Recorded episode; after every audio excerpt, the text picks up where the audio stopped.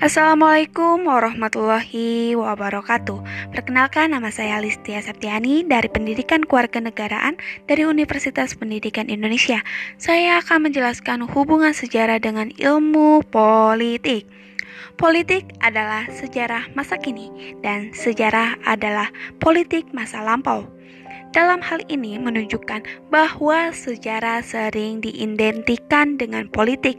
Sejauh keduanya menunjukkan proses yang mencakup keterlibatan para aktor dalam interaksinya serta peranannya dalam usaha memperoleh apa, kapan, dan bagaimana. Menurut Karto Dirjo 1992 halaman 148 sampai 149.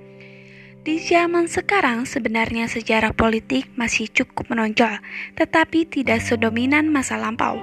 Hal itu sangat menarik bahwa pengaruh ilmu politik dan ilmu-ilmu sosial sungguh besar dalam penulisan sejarah politik yang lebih tepat disebut sejarah politik gaya baru menurut Karto Dirjo 1992 halaman 149 menambahkan bahwa lebih menarik lagi jika politi didefinisikan.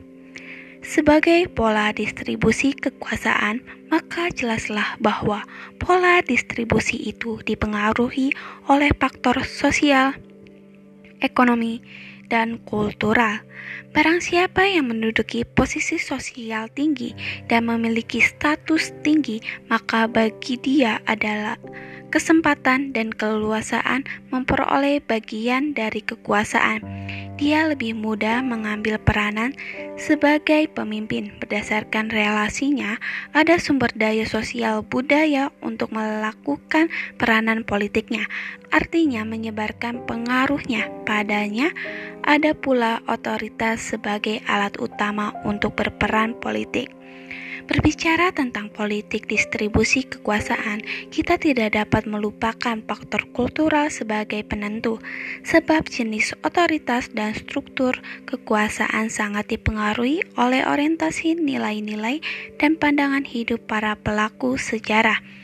Dengan demikian, kerangka konseptual ilmu politik menyediakan banyak alat untuk menguraikan berbagai unsur politik, aspek politik, kelakuan aktor, nilai-nilai yang melembangi, melambanga sebagai sistem politik dan lain sebagainya menurut Kartodirjo 1992 halaman 150.